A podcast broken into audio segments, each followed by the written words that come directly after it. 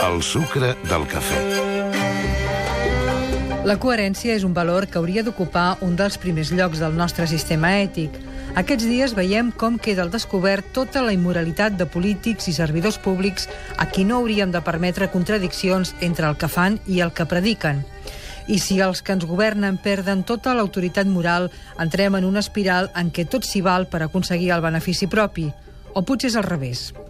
Sigui com sigui, hauríem d'exigir coherència a qualsevol mena d'autoritat, als governants, als pares, als mestres, però la coherència és un bé escàs. Per això ens admirem dels que són capaços de portar el seu pensament, les seves idees, fins al final. Això és el que acaba de fer Jordi Savall, que ha renunciat al reconeixement i als 30.000 euros del Premi Nacional de Música del Ministeri de Cultura.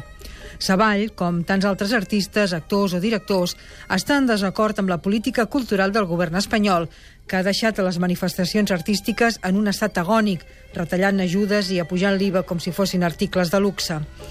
Jordi Savall no vol trair els seus principis, i no és el primer.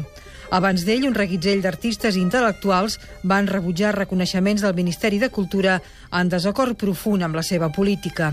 El cas més sonat va ser el de l'escriptor Javier Marías, que va renunciar al Premi Nacional de Narrativa i als 20.000 euros que l'acompanyaven. El compositor Josep Soler i el dibuixant Jan, el del còmic Super López, no van voler la medalla d'or al mèrit de les Belles Arts. La política de Juan Ignacio Bert té el seu preu. Com diu Savall a la carta que li ha enviat, la ignorància i l'amnèsia són el final de qualsevol civilització, ja que sense educació no hi ha art i sense memòria no hi ha justícia.